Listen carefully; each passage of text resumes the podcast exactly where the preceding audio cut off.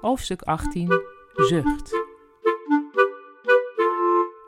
De telefoon ging. Nadat hij vier keer had gerinkeld, besloot Kavia dat zij hem dan maar moest opnemen.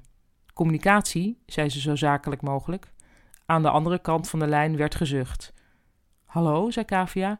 Ja, hallo, klonk het vlak. Met Annabeth. Hé, hey, Annabeth, zei Kavia met meer enthousiasme dan ze ooit had kunnen opbrengen toen Annabeth nog bij hen werkte.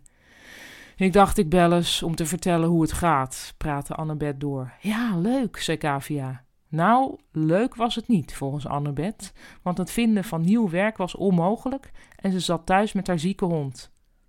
Ik wilde anders wel bij de kinderboerderij gaan werken, vertelde Annabeth, maar daar nemen ze alleen mensen aan met een verstandelijke handicap. En het is trouwens ook onbetaald. Ja, dat schiet niet op, empathiseerde Kavia. Ze zag dat Ruud binnenkwam.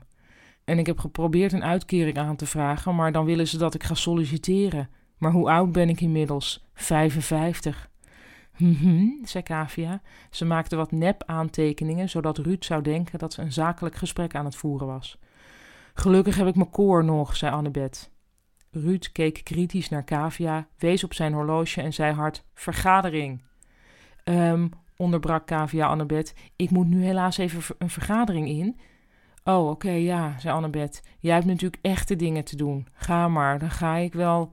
Ruud was Kavia nog steeds aan het bekijken. Ik moet nu echt gaan, we praten gauw verder, zei Kavia. En ze legde neer.